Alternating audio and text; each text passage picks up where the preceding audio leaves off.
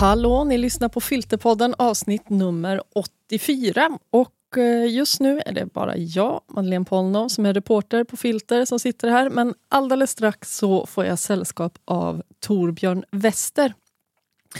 Han har skrivit ett reportage som heter Kär och galen som eh, är med i numret som precis har kommit ut nu till prenumeranter i butik och eh, såklart på magasinetfilter.se. Och i det här reportaget får vi dels möta Rut som blivit blåst av en romansbedragare och eh, dels några av de unga män i Ghana som försörjer sig på att lura kärlekskranka människor i Europa och Amerika.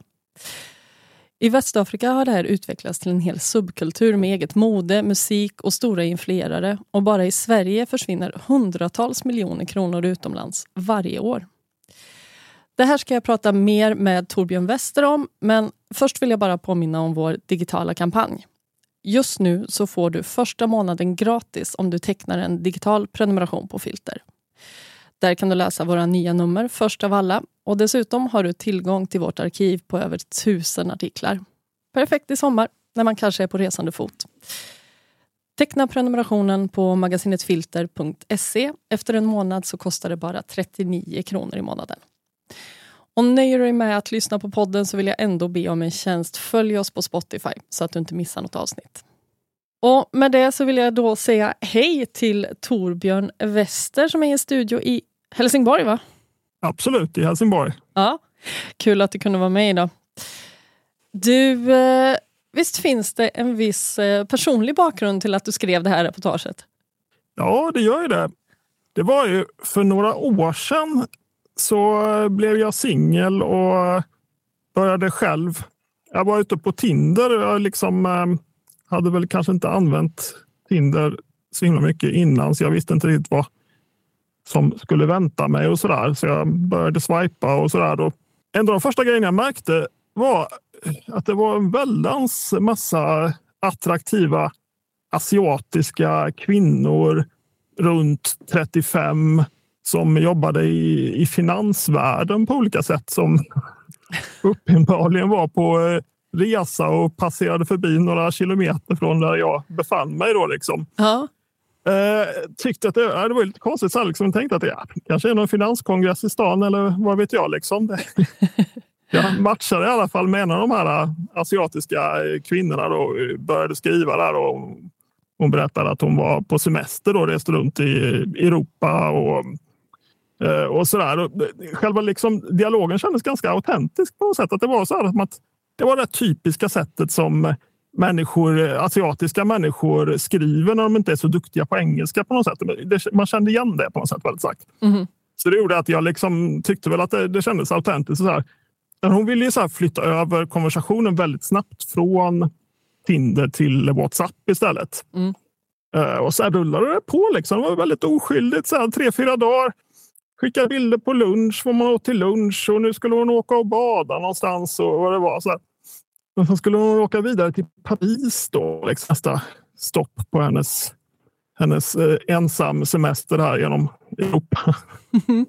Så då tyckte jag väl att ja, men då måste jag försöka få till en dejt här på något sätt innan hon försvinner iväg. Ja. Men eh, det ville hon också gärna. Då, liksom. Men det blev liksom hela tiden olika hinder. att Det gick inte på olika sätt.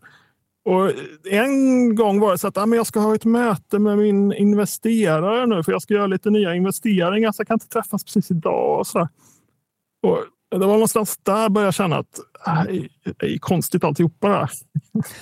så jag började googla lite på det här med så här Asian women on Tinder scam eller något sånt så kom jag till någon Reddit-tråd då. Och då förstod jag genast att det här är ju bara ett, eh, ett sorts eh, bitcoin-bedrägeri verkar det vara. Liksom. Att man eh, etablerar en, en relation eh, och sen då liksom, det, det, var flera personer som skrivit den här tråden att man liksom chattat med de här kvinnorna i flera månader. Och sen så kommer det här liksom att de ska luras in i någon bitcoin-investering som är bluff och så luras de av en massa pengar och sånt där. Mm. nu försvann ju den här kvinnans WhatsApp-konto gick upp i rök där någonstans. Eh, så jag hann eh, aldrig bli lurad som tur var. Men det gjorde å andra sidan att jag blev fascinerad av det här fenomenet liksom, på datingappar. Mm. Att det är så himla många av profilerna som bara är bluff och bedrägeri. Liksom. Just det. Så sen har du fortsatt att intressera dig för det här? Ja, precis. Det har legat lite latent. Så här. Jag har läst om det då och då. Och, och eh, sen var det nu för något halvår sedan. Jag åker ju ofta på lite längre reportageresor. Det har varit mycket på den afrikanska kontinenten på senare år. Så jag skulle till Ghana eh, och göra ett, ett par andra reportagejobb. Och då visste jag liksom att epicentrum för den här verksamheten. Nu, min, min eh, asiatiska flickvän som aldrig blev en flickvän, eh, hon, eller han opererade nog från Sydostasien för det verkar vara där som det här med bitcoinbedrägerierna äh, sker ifrån. Men annars är ju epicentrum för romansbedrägerier i världen är ju Västafrika. Ja. Och då tänkte jag att det hade varit himla spännande att faktiskt göra någonting av allt det här som jag har läst in mig på, det här ämnet på något sätt. Och faktiskt försöka träffa de här människorna som håller på med det här. Ja. Hur kommer ja. det sig att det är så vanligt just i Västafrika? Det är väldigt svårt att svara på. Det, var, det blev på något sätt en perfekt grogrund någon gång på 90-talet när den här första generationen av sociala bedrägerier välde ut över världen med de här Nigeria-breven som jag tror de flesta människor någon gång har fått ja, ja. I, sin, i sin inkorg. Det var, det var ju liksom en period med väldigt hög arbetslöshet i Nigeria. Då. Det var oljepriset kraschade och ungefär samtidigt så började det dyka upp väldigt mycket internetcaféer som arbetslösa ungdomar satt på. Och det var väl någonstans där i den här grogrunden som det här fenomenet började etableras på något sätt. Sen hänger liksom Nigeria och Ghana är ju eh, inte grannländer egentligen, men de hänger ändå ihop väldigt mycket kulturellt och språkligt. Två västafrikanska länder, så det spreds väl från Nigeria till Ghana sen och en, sen även ut över resten av Västafrika. Men det var väl den där grogrunden på något sätt, tror jag, som gjorde att fenomenet har blivit etablerat just i Västafrika. Mm. Ja, som sagt, du åkte till Ghana och du träffade ju några män som jobbade med det här. Hur, hur ja. fick du kontakt med dem? Det var, jag kan inte gå in på detaljerna så där. Det finns ju källskydd och sånt. Men det, man kan väl säga att det var genom en, genom en mellanhand, en person jag känner i, i Ghana som jag litar på, som uh, i sin tur kände de här killarna. Mm. Uh, och uh, fick dem att gå med på att träffa mig och snacka. Mm. Och, ja, men jag tror också att de tyckte nog att det var minst lika spännande som jag. Berätta lite om, om ert möte. Ja, det var ju så här. Vi skulle ju, jag skulle träffa dem då på, det var på en uteservering i ett ganska fint område i Ghana. Vi hade väl bestämt klockan nio på morgonen, men de dök ju inte upp. Så jag satt ju där och väntade timme ut och, och timme in. De ringde väl ett par gånger liksom och sa att men nu är vi på gång. Nu är vi på gång. Så. Sen tror jag inte det var förrän klockan 13 13 som deras Uber-bil rullade in där. Då. så att eh, det tog en himla tid. Och då var de eh, Alltså, man märkte liksom att de var väldigt så stissiga och nervösa killar. De var liksom mellan 20 och 30 eh, ungefär. Eh, och hade en person som var en tydlig ledare på något sätt som bestäm, hade väl bestämt att nu ska vi göra detta. Eh, så den här ledarkillen satte sig liksom mitt emot mig och bara pratade med jättelåg och intensiv röst liksom så här och försökte liksom screena mig vem jag var och så där. Mm. Skulle titta på min diktafon och se hur spelades det in och så där. Och sen så, jo, nej, men eh, han tyckte väl att det, det kändes inte bra att sitta och snacka om de här sakerna i en offentlig miljö där. Så att då ville han att vi, jag skulle hyra ett hotellrum. Så åkte vi iväg då liksom och satte oss på det här hotellrummet för att, för att prata. Uh, och då slappnade de ju av betydligt mycket mer. Då blev det liksom en sorts helt plötsligt väldigt familjär stämning, vilket var lite märkligt. Så. Mm. uh, de uh, bodde in sig där. Liksom, de var ju tre killar och Eh, jag började liksom ställa frågor och spelade in intervjun liksom och sådär. Och ja, en kille la sig på, på sängen och skulle vila en liten stund. Eh, men så att ja, de var väldigt avslappnade och eh, berättade ju liksom väldigt så här öppenhjärtigt om, om det där de höll på med. Alltså att lura vita människor företrädesvis på små och stora belopp genom att utge sig för att vara någon de inte är helt enkelt. Hur hade de själva börjat med det här? Det var den äldste, eller den eh, ledargestalten hade berättat att det var redan kanske runt 2011 tror jag. Så var det någon kille i skolan som hade berättat om den här eh, att det här finns liksom på något sätt och. Kolla här, det finns dejtingsajter på nätet. Här kan man få vita människor att skicka pengar till sig och sådär. Så då blev han introducerad till det där liksom och blev lite upplärd och eh, tog det själv vidare. Liksom. Eh, och sen så de här två andra killarna var ju släktingar till honom, kusiner. Typ. Så att det var genom honom som, som liksom den här gruppen hade börjat med detta. Mm. Och nu hade de ju i stort sett ett kontor, eller hur? Som de satt och jobbade ifrån på dagarna. Ja, de var en lägenhet liksom. Mm. Jag fick ju inte se den här lägenheten, men eh, de berättade att de satt där liksom tillsammans på dagarna. Hade kök, kunde laga lite mat och så kan de ju liksom eh, rådfråga varandra ifall de stöter på något problem i arbetet. Och de körde nog på rätt hårt, rätt många timmar om dagen. Mm. Och eh, ofta var det ju så här sena, mycket sent arbete.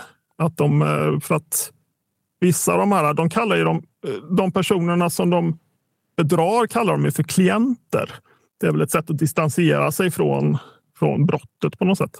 Uh, och många av dem är på andra tidszoner i USA och Australien. Och så, liksom. så de satt väl uppe mycket på kvällar och nätter också och höll på med detta. Mm. Så att, eh, men det, det, var, det var ju liksom en, verkligen som ett jobb. Liksom. Mm. Men um, du skriver också om att det finns en hel subkultur kring det här. Mm i Västafrika. I Ghana kallas Precis. de för Sakava Boys va? Exakt. Ja. Uh, det, det, det, finns ju liksom uh, i Nigeria också. Och där, där kallas de ju för Yahoo Boys de här. Uh, och ja, det är ju väldigt subkultur, subkulturellt på något sätt. Det finns ju till exempel en musikstil som heter scam rap. Ja. De eh, liksom har sin, eh, föddes i Nigeria och Ghana och sen så har de spritt sig till USA. Det var ett jätteintressant eh, reportage i New York Times i våras just om den musikstilen scamrap som liksom har börjat närma sig hiphopens mittfåra även i USA. Men den, den, kommer ju, den har ju sitt ursprung i den här eh, Yahoo och Sakawa-kulturen i Västafrika. Mm. Och det är väldigt mycket så där i kulturen handlar mycket om så här lyxkonsumtion och ex, extravagant livsstil och Eh, det finns ju flera, ett antal olika liksom influencers på sociala medier som öppet eller dolt kan associeras med den här subkulturen liksom, som uh, visar upp sin, sitt välstånd på olika sätt och sådär. Mm. Uh, så det är ju oerhört fascinerande egentligen hur, hur öppet det där är ja. i, i de här samhällena. Liksom. kan man Ser man några tecken på den ifall du rör dig i Accra? Liksom? Ja, men det, det kanske är lite svårt för mig. Och jag kanske inte är en tillräckligt van betraktare för att se alla markörer och sånt där. Men till exempel om man är man utanför kvällstid utanför en, en nattklubb i Accra så ser man ju mycket sådär killar som har rätt feta bilar, snygga kläder eh, som mycket väl skulle kunna vara eh, hålla på med eh, cyberbrottslighet. Mm. Eh, det är ju, eh, ja precis, att det, de, de syns ju i stadsbilden, det gör de ju. Mm. Men är det liksom accepterat eller är det stigmatiserat på något vis att det är nog man har det som jobb? Ja. Killarna jag träffade de, de sa ju att det, de hade väldigt lite kontakt med sin övriga släkt därför att de hade blivit lite fördömda utav dem. Då liksom. De, de såg, såg det som något dåligt att de höll på med det där. Mm. Samtidigt så är de ju liksom i, i vissa ungdomsgrupper är de ju väldigt uppburna. Och det finns också liksom ett sorts narrativ som är väldigt spännande som de själva var inne på också som är väldigt etablerat. Det är ju att det de håller på med det är ju en sorts eh, hämnd för slaveriet mm. kan man säga. Mm. Just i Ghana och Nigeria är ju liksom slaveriet fortfarande idag väldigt så närvarande. Den historien är väldigt närvarande. De här slavforten står ju kvar längs kusterna. Det är, det är någonting som är väldigt liksom påtagligt på ett helt annat sätt än många andra ställen i Afrika. Uh, och, och, Samtidigt finns den här liksom tanken kring reparations, alltså skadestånd för slaveriet, är ju väldigt etablerat. Det är ju en, en sak, det finns ju mycket i Karibien också, det här tankesättet att det globala nord är skyldiga stora summor pengar som ska indrivas. Liksom. Mm. Mm. Och då är ju då, ses ju då liksom både romansbedrägerier och annan cyberbrottslighet som ett sätt att, sätt att få in de här pengarna för, mm. för slaveriet. Så det gör ju kanske då att de till och med kan ses som lite hjältar ibland. Va? Varför var de så nervösa för att träffa dig då på uteserveringarna? Jag vet inte riktigt. Det är ju ändå så att alltså, även ifall de är så pass öppna i samhället så gör ju då och då polisen i Ghana gör ju räder. Eh, det grips ju eh, bedragare med jämna mellanrum, eh, även ifall det kanske inte är någon jättestor omfattning. Och samtidigt hade de inte träffat mig innan. De visste inte vem jag var. Liksom. Mm. Det, det, var väl en kombination där tror jag. Mm. Du nämnde, nämnde ju förut att det finns flera stora influerare i texten. Så skriver du kort om en hash-pappy. Ja. Vem är det? Ja, det är en jättespännande figur. Som, han, han är ju niger, nigerian. Han började ju som en uh, Yahoo-boy, då, liksom en, uh, en cyberbrottsling i tonåren. Och, men jobbade upp sig liksom och blev uh, otroligt framgångsrik. Man har hela tiden kört fasaden att han är fastighetsutvecklare. Mm. Och han har ju bott stora delar av sitt vuxna liv har han väl bott i Dubai, även någonstans i Asien tror jag. Men, men samtidigt har han liksom hela tiden signalerat de här markörerna i sina... Han, alltså, han, han eh, blev ju en sociala medier-kändis och hade över två miljoner följare på Instagram och så. Uh, han uh, hade ju de här liksom, visade de här signalerna att han på olika sätt tillhör det här subkulturella eh, facket med eh, Yahoo Boys. Eh, och sen visade det sig då för ett par år sedan. Då greps han ju i eh, Dubai i en eh, FBI operation. Han, togs ju, han utlämnades till USA sen också och dömdes till 11 års fängelse tror jag var för eh, ganska, ja, en hel del olika typer av eh, cyberbrottslighet. Det var främst sådana här bäckbedrägerier. Mm. Alltså, all, all, alla de här sakerna hänger egentligen ihop. Det är ju sällan det är någon som bara sysslar med romansbedrägerier, utan man sysslar med massa olika typer av bedrägerier som bygger på social manipulation på olika sätt. Mm.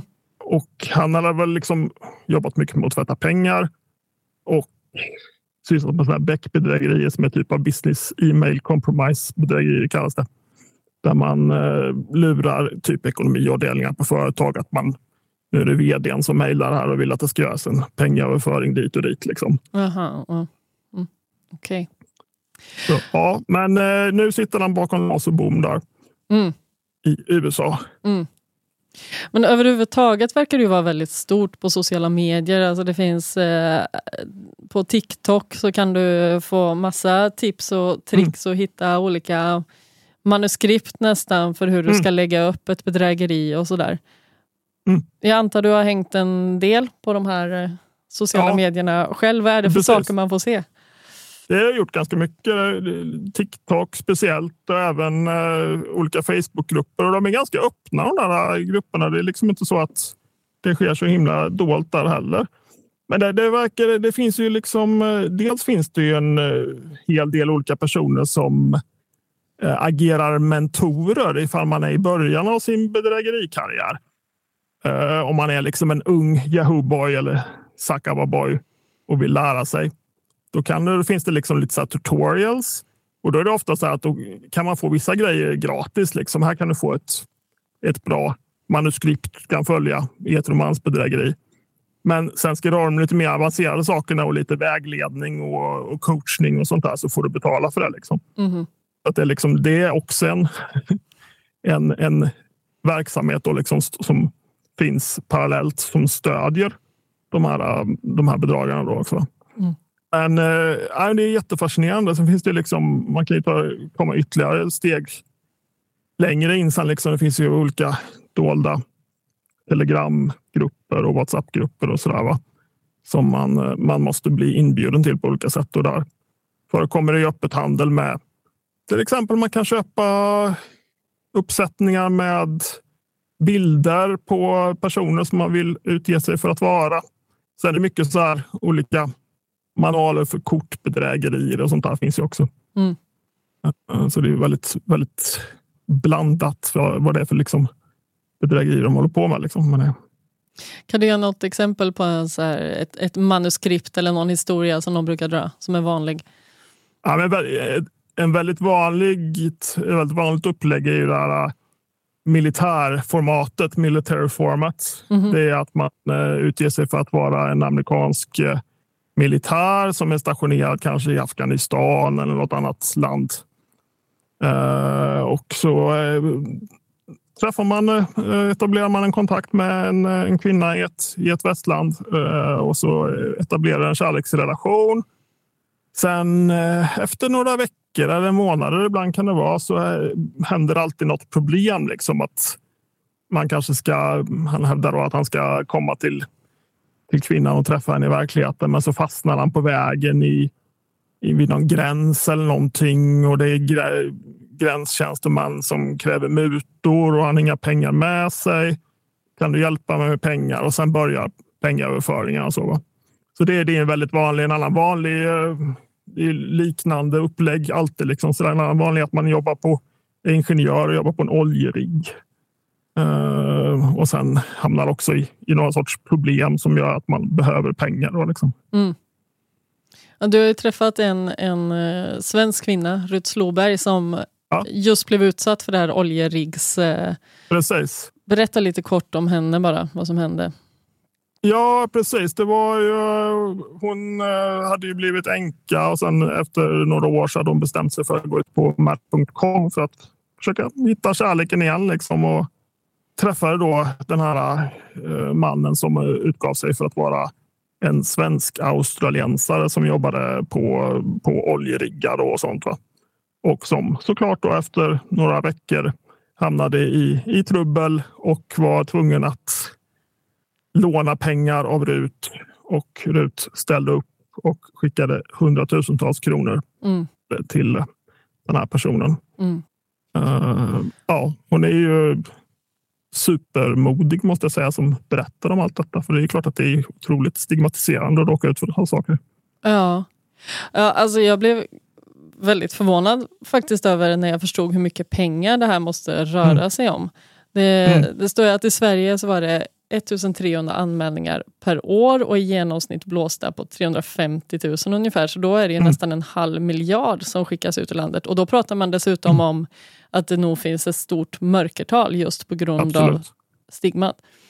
Ja, och det är ju bara Sverige liksom. Mm. Sverige är en jätteliten marknad för dem. Så att liksom om man, om man eh, då funderar på hur mycket pengar eh, drar de in i USA eller i övriga Europa så kan man nästan börja fundera på. Eh, det är ju liksom en viss del av de här ländernas BNP mer eller mindre det här handlar om. Liksom. Ja. Fruktansvärt stora summor. Ja. Jag läste en rapport faktiskt häromdagen bara.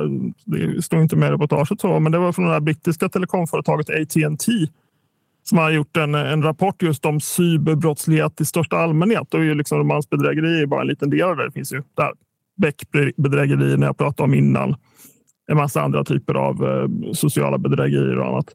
Eh, och enligt AT&T så är det alltså 6 000 miljarder kronor årligen som överförs i cyberbrottslighet. Herregud. Och då menar man liksom att det är egentligen den största omfördelningen av förmögenheter i världshistorien som pågår ja. just när det gäller cyberbrottslighet i stort. Ja. Det är enorm, enorma pengar.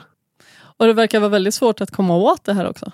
Ja, det är det ju. Mm just därför att det är en sån internationell brottslighet. Så det, det, det, man kan se, liksom, jag har ju eh, gått igenom mycket svenska rättsfall och så när jag researchar detta. Liksom. Och det finns ju egentligen, jag kan inte hitta något exempel på någon romansbedragare där offret och gärningsman bara träffats på nätet som är dömd i svensk domstol.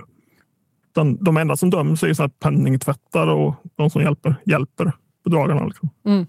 Jätteintressant alltså. Mm. Som sagt, det här reportaget Kär och galen finns med i Nya filter som man antingen hittar i tidningskioskerna eller på magasinetfilter.se. Tack så mycket för att du var med Torbjörn. Tack. Ha en fortsatt god sommar. Detsamma. Och fortsatt god sommar även till er som lyssnar. Om eh, två veckor är vi tillbaka med ett nytt Filterpodden-avsnitt som vanligt. Hoppas ni hittar massa rolig läsning i det nya numret av Filter till dess. Hej hej!